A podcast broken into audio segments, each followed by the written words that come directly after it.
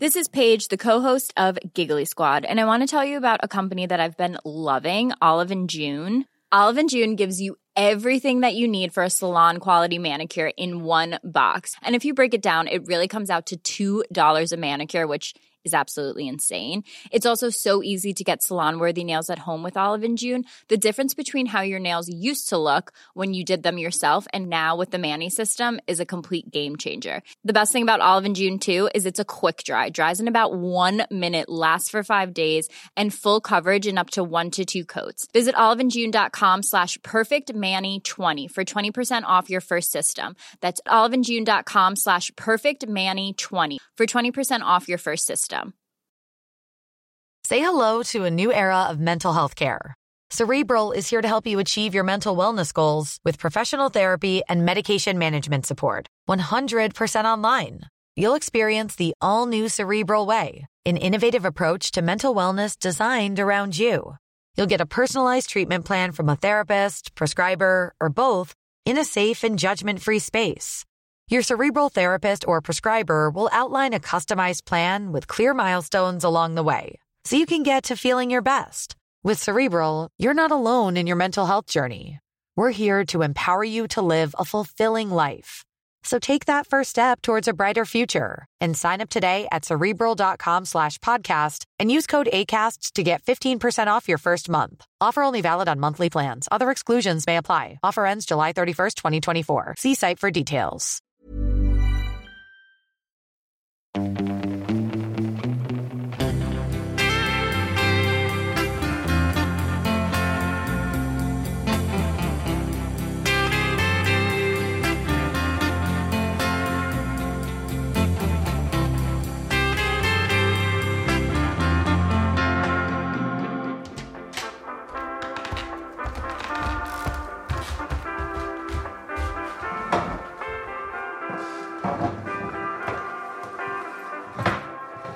God morgon.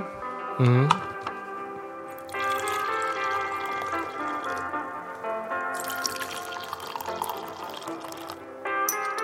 Alltså det här med hot, vi måste ju sluta hota barn. Alltså, vi håller ju helt på att spåra ur för oss.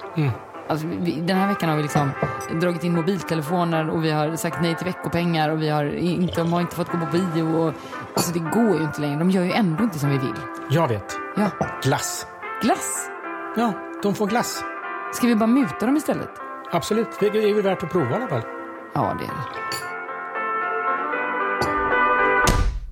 Välkomna till Glappet. Jag heter Fredrik. Jag heter Matilda. Mm. Jag tänker eh, på den här inledningen. Mm. Alltså hur pratar vi egentligen med eh, våra barn? Ja, exakt. Och det känns som att det har varit ett tema i flera av de andra poddarna. Att Mm. en av lösningarna är så här, ni måste prata med era barn. ja, thanks. Alltså, så det känns som ett nödvändigt avsnitt i den här säsongen. Ja, just det. Att gå till botten Mm. med eh, hur vi egentligen samtalar. Alltså vad Exakt. man tänka på. Ja, precis. Mm. Det känns som att man skulle kunna göra en egen lista, men är, liksom, är man ute och cyklar? Mm. Och, och för att eh, inte själva försöka hitta på eh, det här då, eh, så eh, har vi bjudit in en gäst. Ja, en gammal briskompis till mig. Det här blir Mm. fantastiskt. Jag säger så här i varje podd att det här blir det roligaste jag har varit med om. Och det blir Mm. så spännande. Och jag tycker det även idag. Det är så fantastiskt att få jobba med den här podden. Men Petter Ivarsson är här. Mm. Eh, du är sakkunnig på BRIS och eh, skolkurator. Mm. Eh, du är varmt, varmt välkommen hit. Det ska bli otroligt kul att få eh, ställa våra alla tusen frågor eh, till dig. Tack så mycket. Du, din bok eh, Du behövs som vuxen. Mm. Vad, hur eh, kom den eh, till livet, jag säga? Nej, men jag kom på det att mm, en egen erfarenhet, det är inte så lätt att vara medmänniska. Alltså det är inte så lätt att vara medmänniska till, till barn och tonåringar. Och det är heller inte så lätt för barn och tonåringar att vara medmänniskor till vuxna. Alltså det är inte så lätt att få till det alla gånger helt enkelt. Så jag tänkte att, att jag skriver en bok om att vara medmänniska, alltså att vara människa med någon. Alltså inte bara att mötas i det där som, som kanske är ganska lätt att mötas kring, eh, utan att mötas kring det som hör livet till. Du menar den här eh, vardagliga administrationen? Ja, alltihop. Ja, sen beyond det på något vis. Beyond det. Mm. Jag tänker att alltså en, en spaning inför den här boken var också att det är ganska mycket världens bästa i vårt samhälle. Ehm, Alltså jag hör många barn och ungdomar som säger det också att man sitter hemma på lördagskvällen kanske själv eller med sin familj och så har man kompisar som lägger ut nu är jag på bästa festen med bästa kompisarna. Jag menar det, det är fem, sex ord men det är väldigt mycket ensamhet ofta att konsumera det där. Mm. Och vi som vuxna kan också drabbas av världens bästa. Att vi ska vara världens bästa föräldrar och ha världens bästa barn. Eh, kanske vi lägger upp på Facebook och har våra semesterbilder där vi har det härligt ihop. Och sen så vet vi ju allihopa att livet är ju så mycket mer än det där världens bästa. Så att jag tänker att den här boken också ska vara en bok som handlar om att liksom hjälpas åt och dela livet, inte bara, inte bara världens bästa. Just det. Och, och, eh, i eh, en del i boken där så pratar om eh, värdet, eller alltså ordens betydelse. Mm. Och vilka ord vi väljer. Att det ja. spelar väldigt stor roll. Mm. Är det, hur kopplar man det till det här, om man inom situationstecken, goda samtalet tillsammans med? Mm. Och inte tala till. Just det. Man kan väl, det tycker jag är en bra, Fredrik, en bra utgångspunkt det där med att eh, vi kanske har generellt lite bättre självförtroende som vuxna att tilltala barn än att samtala med barn. Alltså att verkligen tänka att, att barnet kommer till tals på sitt sätt och i sitt tempo, att det har ett alldeles, alldeles eget värde. Att det är lätt det där med att man som vuxen tilltalar barn och berättar hur saker och ting ligger till. Mm. Och jag skulle verkligen vilja slå ett slag för den här andra delen, att, liksom, att lyssna på barn. Eh, att tänka att det har ett alldeles eget värde ur en massa olika perspektiv som vi säkert kommer att återkomma mm. till och prata om. Vad, vad är vitsen med att vi Just det, med för vi säger ju ofta till barnen mm. hela tiden mm. saker och ting. För mm. att det ligger i någon slags förväntad Vuxen. roll. Ja, precis. Eller? Vi är vuxna och vi vet bättre. Ja, just det. Jag tänker att det, även om man inte tänker det aktivt som förälder, så tänker jag att det är det som, i alla fall för mig själv, så blir det utgångspunkten. Men jag har ju, jag vet, jag har ju koll på det här. Alltså, och, då tar man sig på något sätt rätten omedvetet att så här, snäsa åt sina barn. Ja, just det. För och att de inte fattar. Liksom. Och samtidigt kan man se något så här inslag i något nyhetsprogram där man har frågat barn om saker. Och så mm. säger de saker och då tänker man Men Åh, tänk så kloka de är. är. Exakt. Det tänker jag ju aldrig när jag ser vuxna människor på TV säga saker. Till exempel. Nej. Så här, åh vad klok han är. Eller hon. Mm. Hen. Mm. Men är det liksom nedvärderande eller är det rätt? Eh, att? Tänka så? Men, men jag tänker att de allra flesta barnen och de allra flesta vuxna är både kloka och okloka mm. i en salig blandning. Och jag tycker att vi, vi vuxna har ju också en tendens att måla upp barn och barndom i någon slags skimmer. Mm. Eh, jag menar, barn och barndom innebär ju allt möjligt, precis som det är att vara vuxen. Mm. Men att tänka kring, alltså vad spelar samtal för roll? Vad är mm. vitsen med att jag bemöter barn och ungdomar i samtal? Det tror jag är underskattat. Vad är svaret? Nej, men det. På den frågan? Ja. Det finns inga pekpinnar? Jo då. Nej, inga, inga, inga pekpinnar, men det finns ju många svar. Nu får ni hejda mig, för det här är det roligaste jag vet. Men att, eh, alltså dels tycker jag man kan tänka på att barn och ungdomar nu har hela världen ofta i sina telefoner, alltså i nyhets... Just eh, alltså situationen i Aleppo och, mm. och terrordåd i London och allting finns ett knapptryck bort. Mm. Och det synliggör behovet av att få dela svåra saker. Mm. Alltså att få hjälp att förhålla sig till det som man konsumerar. Det är ett väldigt tydligt, jag menar, en väldigt tydlig syfte med att att liksom vara nära barn. Och pratar man med barn som inte mår bra, eller vuxna som inte mår bra, jag brukar tänka att en definition, alltså när vi människor är för ensamma med för svåra saker under för lång tid, mm. då blir vi sjuka. Alltså mm. då, då mår vi dåligt. Och det är så otroligt viktigt att barn och ungdomar inte lämnas för ensamma med för svåra saker. Och mm. det tycker jag liksom är ännu ett ett syfte med samtal. Men, i, i, våra äldre generationer så mm. fanns ju inte den här tillgängligheten Nej. till det här och svåra som vi ser kanske idag varje dag. Mm. Eh, och har vi, har vi, då menar du att vi har inte riktigt vant oss vid den nya tiden och att det här blir ett nytt inslag för oss? Ja, men alltså, jag tror att det där är jätteviktigt. Att traditionen, alltså det finns till och med talesätt om det här. Eh, förr sa man så här, även små grytor har öron. Mm. Det man inte vet har man inte ont av. Alltså att vi har med oss en tradition av att man inte pratar med barn om mm. viktiga saker. Och det tror jag att även om det här ligger en tid tillbaka och att det kan kännas lite mossigt, att det är något vi får förhålla oss till. Att vi, när impulsen av att vi ska liksom skydda barn från viktiga saker Eh, alltså inte benämna inte prata om det. Det, mm. det finns nog med oss även om vi liksom på en direkt fråga kanske tänker jo men det är klart att det är viktigt att vi pratar med barn. Så kan den där impulsen som vi har med oss ändå tror jag påverka oss ganska mycket. Mm. I slutet av dagen så kanske vi ändå lämnar barn utanför viktiga saker som ändå påverkar dem. Tycker det... du man ska prata med barn om allt som är svårt? Jag tänker så här, sjukdom, dödsfall, Aleppo, har varit inne mm. på terrordåd. Mm. Alltså finns det något ämne som är så här, nej men dit ska ni ändå inte gå föräldrar? Ja. Eller är det så här, nej, prata om det. Ja. Och här tror jag att jag får liksom vem av er nu som sa det här för en liten stund sedan, det här med att inte komma med pekpinnar. Det känns så här lite kanske tråkigt svar, men jag tror mm. man får påminna om att barn och vuxna är olika och att det känns jätteviktigt att vi verkligen funderar på det, vem har vi framför oss? Ja. Vad undrar du Matilda mm. kring mm. det som händer i Aleppo? Mm. Eh, och att ha liksom det som utgångspunkt. Mm. Jag tror att det som lätt händer, det är att man själv känner sig rädd och orolig. Och så utgår man ifrån att att du Matilda, mm. om vi låtsas att du är mm. tio år, mm. inte, inte har hört, inte vet, mm. inte har pratat om det här i skolan och därför pratar vi inte om det hemma. När det kanske egentligen är så att du pratar inte om det hemma för att du märker att det här blir jobbigt för mamma och pappa. Mm. Så jag säger ingenting. Jag vill inte att det ska bli sådär obekvämt. Så, så, att vara lite noggrann med att fundera över så här, var, var befinner sig barnet? Mm. Eller tonåringen och att utgå från det, det tror jag och, in, och, inte så här, nu ska vi sätta oss ner i familjen här eh, så ska jag berätta lite grann om eh, Aleppo.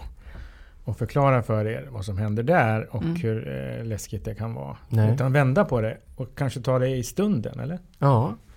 Och där, nu slår vi an liksom en annan, men som jag tror är en viktig sak kring det här med samtal generellt och fundera på så här, när det är väldigt lätt som vuxen att när man själv får en impuls att nu kom det upp något i huvudet som jag mm. tycker att vi behöver prata om. Till exempel tider för att komma hem på kvällen eller vad någonting som helst. Då tänker jag, nu ska vi prata om det. Mm. När den impulsen dyker upp hos mig som vuxen. Det är ju inte bombsäkert att barnet tycker att precis den tiden är den optimala. Mm. Och att fundera på, alltså så här, när och var och hur ökar mina möjligheter att få till ett samtal med mm. barn och ungdomar runt omkring mig, mina egna eller andras. Det är kanske så att hundpromenaden eller stunden i bilen på väg till hockeyträningen eller mm. eh, när, innan man säger godnatt, att det är där det finns möjlighet att få till de här de här små, små bubblorna av samtal om viktiga saker. Mm. Snarare än nu sätter vi oss ner vid middagsbordet och pratar allvar med varandra. Mm. Och när man då har de där stunderna, när man liksom fångar dem och de uppstår, vad ska man tänka på då? Eh, när man, man tänker så här, men nu blev det ändå, det blev bra, vi skulle lägga oss här i sängen och vi har läst en bok. Och så kommer frågorna. För jag tänker ofta så kommer ju frågorna ganska spontant från barn. Om man inte då går på sin egen vuxenimpuls. Liksom. Mm. Så tänker jag att de flesta frågor ändå kommer. Mm. Eller de berättar någonting som hänt i skolan. Eller någon som inte fick gå med och leka. Eller vad det kan vara. Eh, man blir inte bjuden på fester när man är tonåring. Liksom. Mm. Eh, vad ska man då tänka på? När man ligger där och ska prata med sitt barn. Mm. En, nu vet jag att jag kommer vara lite jobbig. Men, men en viktig sak tror jag, det är att eh, när vi på BRIS frågar barn, alltså så här, vad är viktigt att tänka på som vuxen? Vad är viktigt när man är vuxen? Då är det vissa saker som återkommer genom åren och det är mm. tålamod, mm. tid, tillgänglighet. Alltså man vill att vuxna ska ha tid och vara tillgängliga och ha tålamod. Och eh, det vi vet forskningsmässigt är att när vi är stressade då sjunker vår förmåga till empati som en sten. Mm. Alltså precis, alltså vår förmåga att vara tillgängliga och tålmodiga, den förmågan, det vet vi, den sjunker som en sten när vi är eh, stressade. Mm. Så att det där med tid, att samtal Alltså oavsett om det är vardagssamtal eller att bygga upp förtroende eller en relation som gör att man kan mötas kring våra saker. Mm. Det handlar ju mycket om att tänka att svåra saker ofta behöver lite tid. Alltså ibland, så, framförallt när man som vuxen är orolig eller, eller som sagt stressad, så blir det ju väldigt snabbt lite fortare. Alltså om jag visar nu bara med rösten vad som händer, mm. om man har lite mindre tid och är lite stressad, så hamnar vi väldigt lätt här uppe. Och ni känner liksom nu mm. hur otroligt små skiftningar som behövs för att förändra en, en stämning. Och mm. det där tror jag är viktigt att tänka på. Att vi, vi påverkas så att när vi är oroliga och så, så är egentligen Alltså så borde vi röra oss med ett medeltungt piano fäst i midjan. Jag, jag, kan känna igen det. Jag är ju ganska snabb. Ni som har lyssnat på den podden några gånger nu vet ju det. Att ni ibland inte hör vad jag säger för att jag pratar så jävla fort. Mm. Men jag är också jävligt snabb på lösningar. Mm. Så ofta så här, framförallt är det min stora tjej som är eh, åtta.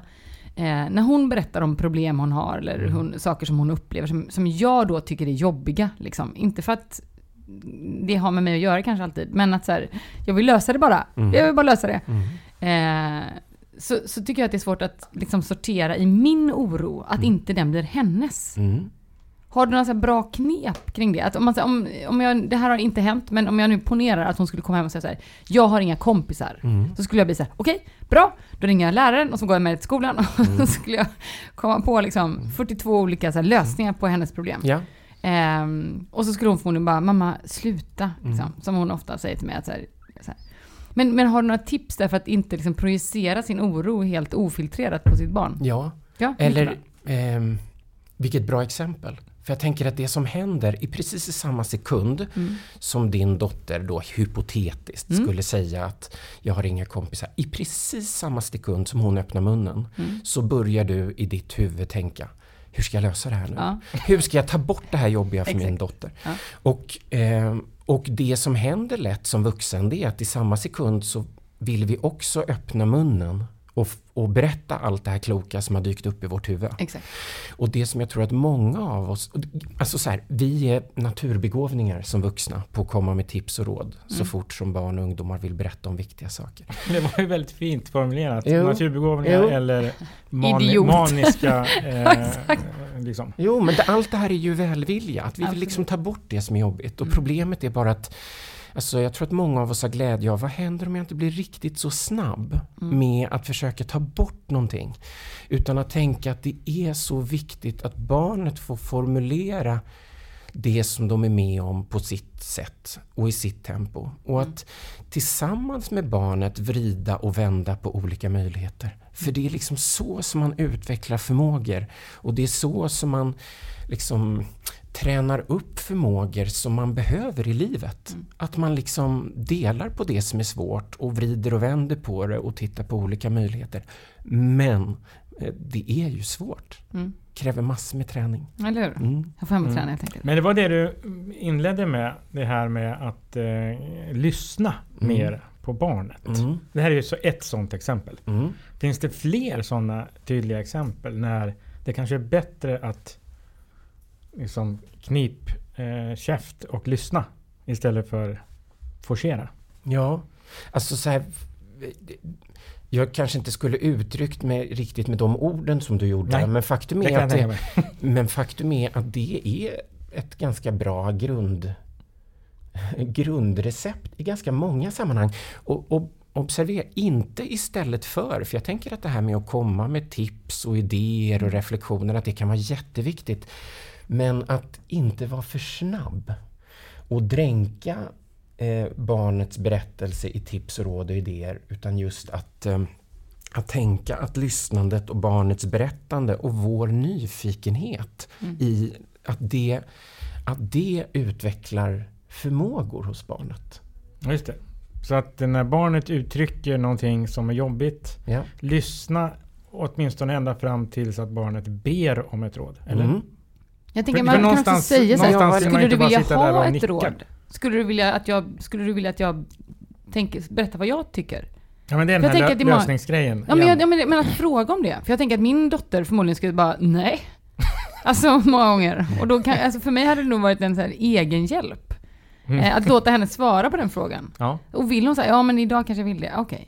För jag tänker att det handlar också om att skapa en kultur hemma. Eh, där man liksom också så här, ibland får man be om råd, Eh, ibland gör man inte det. Mm. Eh, jag är jävligt noga med att eh, barnen ska be om hjälp om de behöver hjälp. Mm. Eh, och då hjälper jag dem alltid, mm. så här, oavsett vad det är. Eh, vår lilla tjej, hon är inte så superkeen på att käka själv. Så, och det är en del matande på henne fortfarande. Vilket man kan ju tycka är helt tokigt. Men i alla fall. Eh, och då, och då, hon, ofta så går det till så här att hon börjar käka själv. Och sen säger så här. Skulle jag kunna få hjälp nu med maten? och det är så här, och då är det så här. Ja, det kan du få. För att du, du liksom, även om det är lathet liksom, från hennes sida, att hon så här, har tappat liksom, fokus och bara, jag orkar inte med den här skiten längre. Liksom. Så, så, så, om hon kan själv formulera det, att jag behöver hjälp med det här, mm. ja, då, vem fan är jag att säga då, nej, det får du inte. Du ska klara dig själv. Just det. Så jag tänker att det också liksom, det hänger ihop det där att ibland får man faktiskt be om hjälp och ibland gör man inte det. Då går det jättebra att äta. Och då behöver man inte kommentera var, liksom varken eller på något sätt. Jag vet inte. Du kanske tycker så här, go home tänker du nu. Men, eh, Nej, inte alls. Det gör jag inte. Nej, jag fick en annan, en annan reflektion. För jag tänker att ehm, eh, barn lär sig genom att härma. Mm. Det vet vi ju. Men det är en ganska... Det är en, om man håller med om det och liksom drar konsekvenserna av det, det är, en, det är en reflektion som ganska långtgående konsekvenser. Mm. Eh, att om vi vill att barn ska lära sig att lyssna till exempel, mm. då måste vi börja med att lyssna. Och att vår lust, och det här behöver man inte gå längre än till sig själv, alltså vår lust att lyssna på andra vuxna är väldigt kopplad till att vi blir lyssnade på. Och precis samma sak gäller för barn. Att om vi vill att barn och ungdomar ska lyssna på oss som vuxna, ja då måste vi visa vägen. Då mm. måste vi vara jättenoga med att lyssna på dem. Och det där att, att först försöka förstå innan man försöker göra för, sig förstådd. Mm. Det, är en, en, det låter så lätt och jättesvårt men, mm. men det där är, det är tänkvärt tycker jag. Mm. Att vi människor vi, eh, vår lust att lyssna är väldigt kopplad till att vi blir lyssnade på och att barn lär sig genom att härmas. Ja, det var en reflektion. Det, ja, det är jätteintressant. Ja, en annan, om man vänder på det då. då hur mm. lyssnar man? Mm. Och hur bekräftar man barnet som berättar saker? Ja. Alltså hur lyssnar jag utan att lägga mig i eller ta över? Eller, ja. Förstår du? Ja. Och det nu får ni igen, ni får bromsa mig för det här kan jag prata länge som helst om. Men jag tycker så här, lyssnande är speciellt och det är lite likt när vi, jag menar, temat för här, den här podcasten är samtal. Att det är så otroligt dubbelt. Mm. Å ena sidan är ju lyssnande någonting, jag menar de som, de som sitter nu med sina lurar kanske eller lyssnar på det här. De kan, om de inte tar bort lurarna så kan de nästan inte låta bli att lyssna. Mm. Om man inte har väldigt mycket för sig samtidigt eller mycket kringljud. Så det är ju någonting som man kan tycka, det är väl inte så svårt om man inte har någon hörselnedsättning. Å ena sidan. Å andra sidan är lyssnande någonting som verkligen nej men som man verkligen kan filosofera över. Och om man tänker lyssnande på barn, och nu är jag lite så utmanande eller jobbig kanske igen, men ibland tror jag vi vuxna, när vi tänker att vi lyssnar på barn, att det vi egentligen gör då, handen på hjärtat, det är att vi väntar på att barnet ska tystna. Så att vi äntligen får säga det vi vill ha sagt. Mm. Som egentligen är hela vårt syfte med att vi har lyssnat. Alltså att vi har tänkt att lyssnandet är väl någon artig del i någon slags turtagning. Att nu, nu lyssnar ni på mig och så, så får jag lyssna på er sen så att det blir lite rättvist. Men att, att tänka på lyssnandet på ett annat sätt. Att till och med tänka att själva syftet nu med att jag sitter och lyssnar på, på det här barnet är just att barnet ska få komma till tals på sitt sätt och sitt tempo. Inte för att jag ska säga en massa kloka saker. Nej. I alla fall inte primärt. Och den där vändningen att verkligen jag menar, höra är förmågan att ta emot ljud. Att lyssna, det handlar om att försöka förstå det som sägs. Och där tror jag att vi kommer tillbaka, nu, nu kan jag inte citera dina ord, men det där med att börja med att, att inte bli för snabb. Att visa att man har tid, att man är tålmodig, att man verkligen vill höra hur barnet har tänkt eller känt eller upplevt saker. Att reflektera tillsammans med barnet snarare än att berätta vad som är rätt och riktigt. Men liksom- också att göra det på ett närvarande sätt så att man blir trovärdig lyssnare mm, och inte absolut. bara liksom hör mm. alltså, en tidsperiod. Ja, och där tänker jag samtal och lyssnande gör sig väldigt bra en sak i taget. Och det där är ju också för många av oss en utmaning. Ja, Fredrik, du står med handen på din smartphone här under Mm. tiden vi gör den här intervjun. I, säkert i alla massor med välmenande syften för att liksom Ja, det skö- jag sköta tidtagning och, och för en stund sen så hörde vi något litet blipp också. Mm. Så. Och det, bara det att den här telefonen ligger på det här lilla bordet där vi står kommer att påverka. Det är så. Och jag tar sam- bort den genast. Ja, ja, För jag kände att det här var inte alls bra. Eh, och, och, och min idé är inte alls att pika utan bara påminna om att samtal och lyssnande gör sig väldigt bra en sak i taget. Och att även om det är omodernt och att jag känns gammaldags och mossig men så tror jag att det här att även om inte barnet gör samma bedömning men att vi visar att, att det här att du vill berätta hur du har haft det i skolan nu, det är så viktigt för mig så att jag jag sätter min telefon på ljudlöst eller lägger bort den för att ge en signal om att det här är Ja, viktigt. det känns inte alls gammaldags och, gammaldags och mossigt. Det känns snarare alls. modernt, skulle Mm. jag säga. Att vidga perspektiven kring Verkligen. det vi har vant oss vid att ha. Som kanske då är lite grann bitvis, åtminstone i sammanhanget när vi ska verkligen lyssna. Att ta bort massa Mm. saker. Verkligen. Eller undvika, eller vara där, närvarande. Mm. Mm. Vi måste också komma in på, ehm, jag tänker att det kanske inte är ditt favoritämne, men det är liksom, när vi släppte vår första avsnitt av den här podden, den här trailern och så presenterade vi lite olika ämnen och sådär. Och det vi fick mest feedback på, eh, som var så här, och det här ska bli så spännande att höra, det var ju eh, hot och mutor. Åh, vad By roligt. Det vill jag far. gärna prata om. Ja.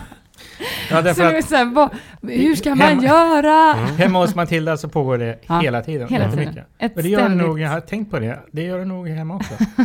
Faktiskt. Eller hur Fredrik? Ja. Alltså vi är ändå partners in crime här. Alltså, Mm. Vad ska man göra för att ta sig ur den här mut och hot-grejen? ja, Eller ska man ta sig ur den ens? ska man ta Nej men säg, jag tror att man eh, gör klokt i att tänka noga på vad man förväntar sig av hoten och mutan. Så här. Ehm, så fort man pratar om motivation för barn, eller brist på motivation att göra något, städa rummet eller göra sina läxor eller vad kan vara, så hamnar man väldigt fort i, om du gör punkt, punkt, punkt, vad det nu är för någonting, så får du punkt, punkt, punkt. Eller om du inte punkt, punkt, punkt, så får du inte punkt, punkt, punkt. Alltså det som, det här med piska och morot eller hot och mutor. Och det som jag tror är viktigt att tänka på, alltså så här, vad lär sig vi människor med hjälp av hot och mutor? Och då tänker jag så här om om du Fredrik är ute och kör långt med bilen och så kommer det ett avsnitt där det står nu är det vägkameror. Mm. Och så sitter man ju ner. Ja, Ja. men frågan är så här. Hur många av oss, när vi ser den här skylten, nu kommer det vara vägkameror, hur många av oss stannar bilen och tänker oj, vad får det här, den här skylten om vägkamerorna, alltså vad, vad innebär det här för mitt liv? Och hur ska jag liksom lägga om mitt körmönster nu för att förhålla mig till att det här är tydligen väldigt viktig information. Det gör vi inte. Men vi håller ner hastigheten under en period för att vi vet att det är fartkameror. Så. Och jag tror att ehm, det som är viktigt att tänka på med hot och mutor är att vi kanske lite lätt hamnar i samma sak som med fartkamerorna. Alltså att om vi vill lära barn ett visst beteende, till exempel att lyssna eller att reflektera eller få en schysst moral. Där tror inte jag att hoten och mutorna är optimala. Utan där tror jag att det här med samtal, att lyssna noga och att försöka vara efterföljansvärd, det är grejen. Men hur gör man det liksom konkret när man sitter med Mm. sitt barn som bara inte har ätit upp idag heller och bara ber om hjälp att bli mat. Det är ett dåligt exempel. Men, men så här, det, det, är liksom, det är ju allting. Mm. Eh, jag brukade, när jag fick mitt första barn, eh, hon var så otroligt trotsig när det gäller att klä på sig. Mm. Och då försökte jag så här, för att inte gå sönder mentalt, så försökte jag tänka så här, vad är det är precis, vad är det liksom motsatt? Det, det jag vill göra nu är att skrika på henne så här, Mm. ta på det för helvete! Men om jag inte väljer den vägen, för den är ju som du säger inte så vansinnigt smart liksom. Eh, och när man är två och ett halvt så fattar man inte riktigt det här med hot och konsekvenser heller. Så det är ju bara waste. Vad är, liksom, vad är precis motsatsen? Mm. Och då körde jag några gånger så här, ska vi ta en fika? För hon älskar f- att fika liksom. Och då bara, ja. Och så, så, så, så käkade vi typ ett kex vid köksbordet och sen gick det ganska bra att klä på sig. Ja. Men det bygger på att man liksom själv har orken på något sätt att göra det, att tänka att göra så här. Och hur, hur kan man instrumentalisera det i, i sin ryggrad? Liksom? För hoten och mutorna sitter ju på något sätt i ryggraden. Ja. Det är sjukt, men det gör ju det. Ja. Nej, men jag tycker det, dels vill jag säga något som kanske är självklart men som känns bra att säga. Det. Mm. Vi är ju människor som Mm. är föräldrar med allt vad det innebär att, med fel och brister och att vi gör fel hela tiden. Och det, Mm. det är också precis som det ska. Vi, vi är inte perfekta. Så. Men jag, jag tänker så här, om jag skulle säga till dig nu Matilda att jag, Mm. jag har med mig ett dragspel här. Så jag tänkte om du kunde spela en polska. skulle vara trevligt. Mm. Då kanske du skulle säga att Tyvärr Petter, men jag kan inte spela dragspel. Mm.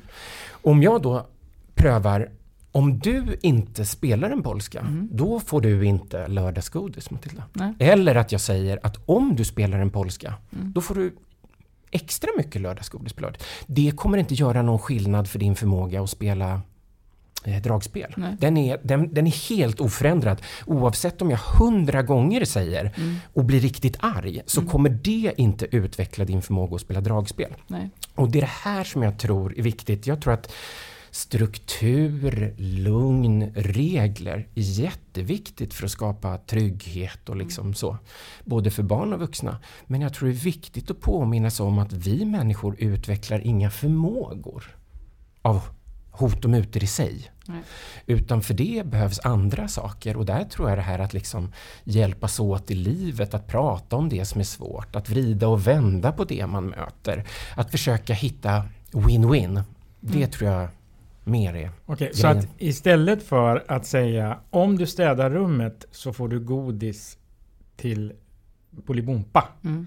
Eller om du inte städar rummet så får du inte godis till Bolibompa. Mm. Istället hjälpas åt att städa rummet. Och Ja. samtidigt kanske prata och lyssna på varandra. Ja, det där lät ju... Det lät som en, en eh, idé som en dröm. Det lät som en dröm. Och så Och då bara, en men vi ska utopi bara styra upp kanske. tvätttiden och parkera om bilen och betala räkningarna och så smsar vi lite på telefonen så måste man mejla lite. Mm. Men då kommer ju den här, eh, som du så, mycket, så fint påpekade om jag hade handen på telefonen, att den kanske måste bort. Mm. Verkligen. Skit i bilen. Alltså jag har Ta en bara, böter. jag, ja, verkligen. 600 spänn. Ja. Så värt för Men du vinner så mycket. Ja, men eller hur? Ja, verkligen. Därför att vi är ju, jag tänker att vi är i någon slags eh, samhällssituation där den här stressen Mm. gör att det påverkar våra förmågor att lyssna och vara närvarande. Och jag tycker man också kan knyta ihop till det du började med att säga, det här med liksom världens bästa. Att om vi bara kunde hjälpa varandra också som medmänniskor, tänker jag. Att inte liksom rub in our, liksom i facet hela tiden, hur jävla världsbäst vi har det. Mm. Och hur världsbäst vi är. Så tänker jag att också pressen på föräldrar generellt Mm. skulle minska den kollektiva liksom, bilden man tror att man måste leva upp till. Just det. Ja, Eh, sen var det en, en annan bit i boken som handlade om bekräftelse. Mm. Och eh, eh, det kan man ju lätt eh, kanske så här, missuppfatta eller förväxla med massa andra saker. Mm. Att bekräftelse är någon form av mutbeteende. Mm. Men vad menar vi med bekräftelse? Ja, vad man menar en- är lite svårt för att det finns ju en massa olika tänkare. Men när jag brukar tänka, alltså om man ska skilja ber, beröm och bekräftelse från varann. Så tänker jag att om, om beröm skulle kunna vara till exempel Pelle vilket snyggt mål du gjorde. Så tänker jag att bekräftelse kanske mer handlar om så här eh, Pelle att du kunde göra mål, det har jag sett förut. Men det jag såg idag, det här att du tittade upp och liksom passade de som inte brukar vara med så mycket i spelet. Det var väldigt roligt att se. Det har inte jag sett på det sättet förut. Alltså att om man tänker en trappa, alltså om man tänker en trappa upp och på toppen av trappan så finns en ny förmåga för barnet. Alltså att barnet har lärt sig någonting. Så tänker jag att hur ser de här trappstegen ut? Och att sätta ord på dem. Så tänker jag kring bekräftelse. Alltså att vi människor tenderar att göra om det som vi blir bekräftade i. Eh, och jag tillhör inte de som tror att man behöver vara så hemskt rädd, för det var ju en tid, för jag vet inte hur många år sedan det är nu, men där det var livsfarligt eh, inom stora situationstecken. Man skulle absolut inte berömma barn. Man, man skulle, och jag, jag tror inte alls att man behöver vara så rädd för det, men att jag tror att det finns en vinst med att, att ehm, hålla skillnad på beröm och bekräftelse och tänka att det är så viktigt både för, för oss vuxna och för barn att bli bekräftade i det vi håller på med för att få syn på små, små saker som kan liksom, eh, bygga en ny förmåga. Just det. Och då kommer vi, det kan man inte knyta ihop, tänker jag, med det här med, med hot och mutor. Att man bygger inte så många trappsteg med hot. Nej, Liksom. Eh, för då, det handlar ju om, som du säger också, så här, det man oftast man inte kan eller klarar. Mm. Då får man ett straff för det. Ja. Liksom. Eh, och, och då tänker jag så här, det som också tänker jag är svårt eh, för föräldrar generellt och även för mig, det är att veta när är det för svårt att be någon spela dragspel. Mm.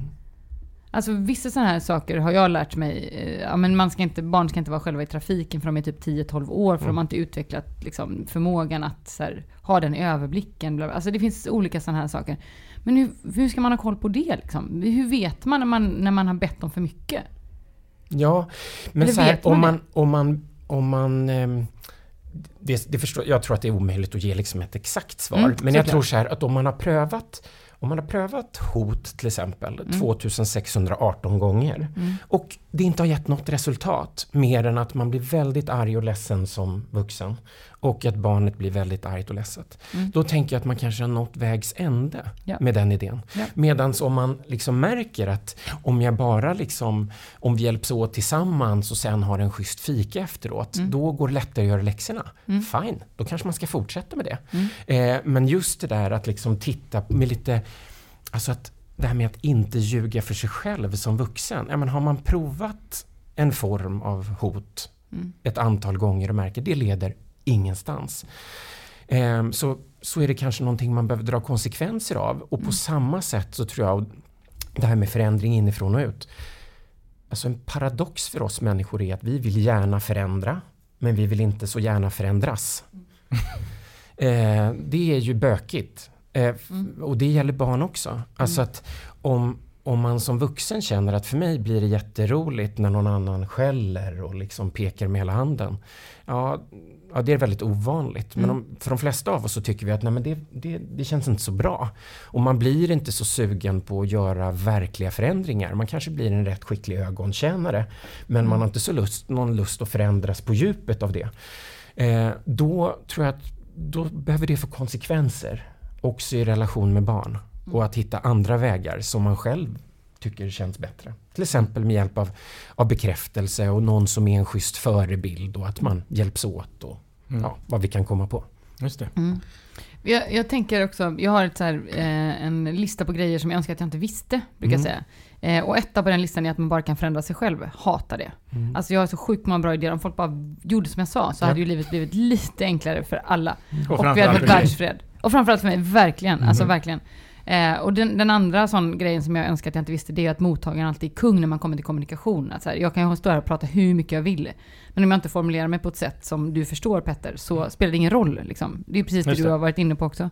Eh, Sanningen ligger i betraktarens ögon. Exakt. Eh, men, men jag tänker, det som ändå gnager lite i mig nu, det är, eh, jag tänker vi måste komma tillbaka till det här att vi bara är människor. för jag tänker, har man lyssnat på den podden så tänker man så här, jag kommer aldrig kunna klara av det där. Eller det kanske aldrig går för oss, eller vi har för mycket, eller alltså så. Eh, Vad skulle du säga, så här, vad är det viktigaste? Om man, om man nu har lyssnat på, på podden och så, så har man så här, puls och ångest och en liten klump i halsen. Mm. Eh, vad, vad är det liksom, men ta med, eh, skit i allt vi har sagt, men ta med det här. Mm. Får jag säga tre saker? Det får du gärna. Ja. Då kommer på första plats att, eh, att inte glömma bort de små sakerna. Att inte det är så lätt när man pratar om samtal att man ser framför sig liksom två stolar och ett näsdukspaket och liksom pannan i djupa veck och så. Men att liksom tänka de där små sakerna i, i vardagen och vikten av det. Det där god morgon och sov gott och stunden vid middagen och ho- bilen på väg till hockeyträningen. Att det är, det är liksom där det händer. Ja. Och vikten av den där vardagsgrejerna. Sen så tycker jag det här med förändring inifrån och ut, alltså att om man ska utmana sig själv lite, att träna sig på att varenda gång man tänker så här, det här går inte om inte Pelle, vad det nu är för någonting, att också lägga till så här, det här går nog inte om inte jag också. Punkt, punkt, Just punkt. Och att försöka göra det för liksom, åt, liksom det här med hur lätt vi har som vuxna att det blir liksom en fråga om skuld. Så fort det handlar om att vi vuxna behöver göra saker så blir det lätt så här, ja det är typiskt, nu är det, det är mitt fel och jag förmår inte och så. Att försöka att inte lägga för mycket av energin där utan mer tänka så här, var bor förändringen? Jo men då bor det förändring i att jag inte bara pekar på Pelle utan att jag också tänker så här, vad behöver jag göra för att det ska kunna bli lite lite annorlunda. Så det tar jag på andra platsen. Och sen så tänker jag också så här, att tänka på att det närmaste superkraft vi människor kan komma, det är relationer. Varandra. Att inte bli för själv. Och där tänker jag också men så här, att ta hjälp av andra, att inte gå med på den här världens bästa idén. Det är ingen av oss med världens bästa eller bara härligt i våra familjer eller vår föräldraroll. Utan att, att hjälpas åt och, och ta hjälp. Och att också förstås vända sig till oss på BRIS. Så. För ni har ju faktiskt också en vuxentelefon som Absolut. kanske inte alla vet om. Nej, Men det är ju fantastiskt, eh, det verktyget. Att kunna ringa till er eh, och ställa sådana här frågor som vi kanske ställer till dig i podden. precis. Eh, BRIS.se, där finns nummer och information. mm, grymt. Jättebra. Du, Ska jag sammanfatta nu? jag tycker jag. Herregud. Det blir svårt. Det, Det blir väldigt... jävla svårt. Jag ser det på dig. Ja, jag, jag, jag, har, jag tror aldrig jag har skrivit så mycket eh, någon gång som eh, den här eh, gången. Eh, jag tänker att vi börjar så här. Det viktigaste som jag tar med mig tror jag ändå eh, idag eh, är... Jag tror ändå att det var det första som du faktiskt sa nu när du sammanfattade. Att inte glömma bort de små stunderna. Liksom, att det är fan good enough. Eh, och att det också hänger ihop med det här att barn gör som vi gör. Om vi blir lite bättre medvetna om att här, fråga, lyssna, så kommer de automatiskt att bli det. Att det liksom är, det är en räkmacka eh, ifrån hot och mutor på något sätt. Och vad vad behöver jag göra Exakt. mm, som förälder? Eh, sen tänker jag att eh, nummer två, för att få motivation till nummer ett, eh, så tänker jag att man kan tänka på nummer två, vilket jag eh, sammanfattar som barn ska inte vara ensamma med för svåra frågor för länge. Och jag tänker att, som vi har varit inne på i flera poddavsnitt här, när, alltså barn kommer inte jätteofta om de har problem. Eh, vilket gör att man behöver de där små vardagssamtalen för att sen ha liksom grundat för att man också orkar lyssna det. eh, när det kommer de stora sakerna. För det tror jag är jätte, jätteviktigt. Ehm, och sen tänker jag faktiskt att punkt nummer tre blir en... ehm, eh, det blir fem ten. Jaha, Mhm. det var ett nytt grepp. Yes. Eh, när ni ska prata med era barn eller samtala generellt så ta med de här tre T'na. Tålamod, tid, tillgänglighet, tempot, då syftar jag på mig själv och andra vuxna. Eh, och att tips och råd från barnet Mm. blir le- ledande i samtalet. Kan det vara en sammanfattning? Det var, jag tycker Vad tycker du bra... Petter? Känns det som att vi har... That's that sum it up. Jag tycker att det var en jättebra sammanfattning. Underbart. Ja, då lyckades jag tydligen. Även den här gången. Så jag, tror, jag, jag tror att vi har eh, kommit en bit på väg Mm. kring hur vi kan tänka runt samtal Mm. med barn. Och, hur, Och inte- mot, Ja, som- och inte prata med våra barn. Nej. Utan samtala med våra barn och eh, lära oss lyssna. Mm. Och när det kommer till hot och mutor. Det är okej föräldrar. We feel you, yes. Men att vi nu med gemensamma krafter, sakta men säkert, eh, tar oss bort från det genom att fundera på vad är min roll i det här? Ja. Det tycker jag känns som en viktig eh, medskick. Kanske. Ja. Ja. Får jag bara säga, Jag får gärna. alltså dels säga tack för att jag fick komma, eh, men, men också säga att den, den här boken, Mm. Du behövs som vuxen, Mm. handlar om precis det här. Mm. Och att det skulle vara så roligt om den blir meningsfull för någon annan.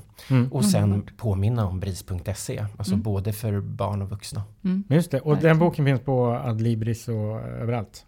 Precis. Andra bokställen. Ja, här bok. Vi är inte public service, vi Nej. kan ju säga det. Men Det vi, vi. säger Det, som, det, det det, vi gillar vill vi gärna promota. Det vill vi. Så är det. Mm. Tack så mycket för att du kom Ja, Petter. tusen tack. Tack, Tack så så mycket mycket. Matilda. Tack, vi hörs. Hej. Hej.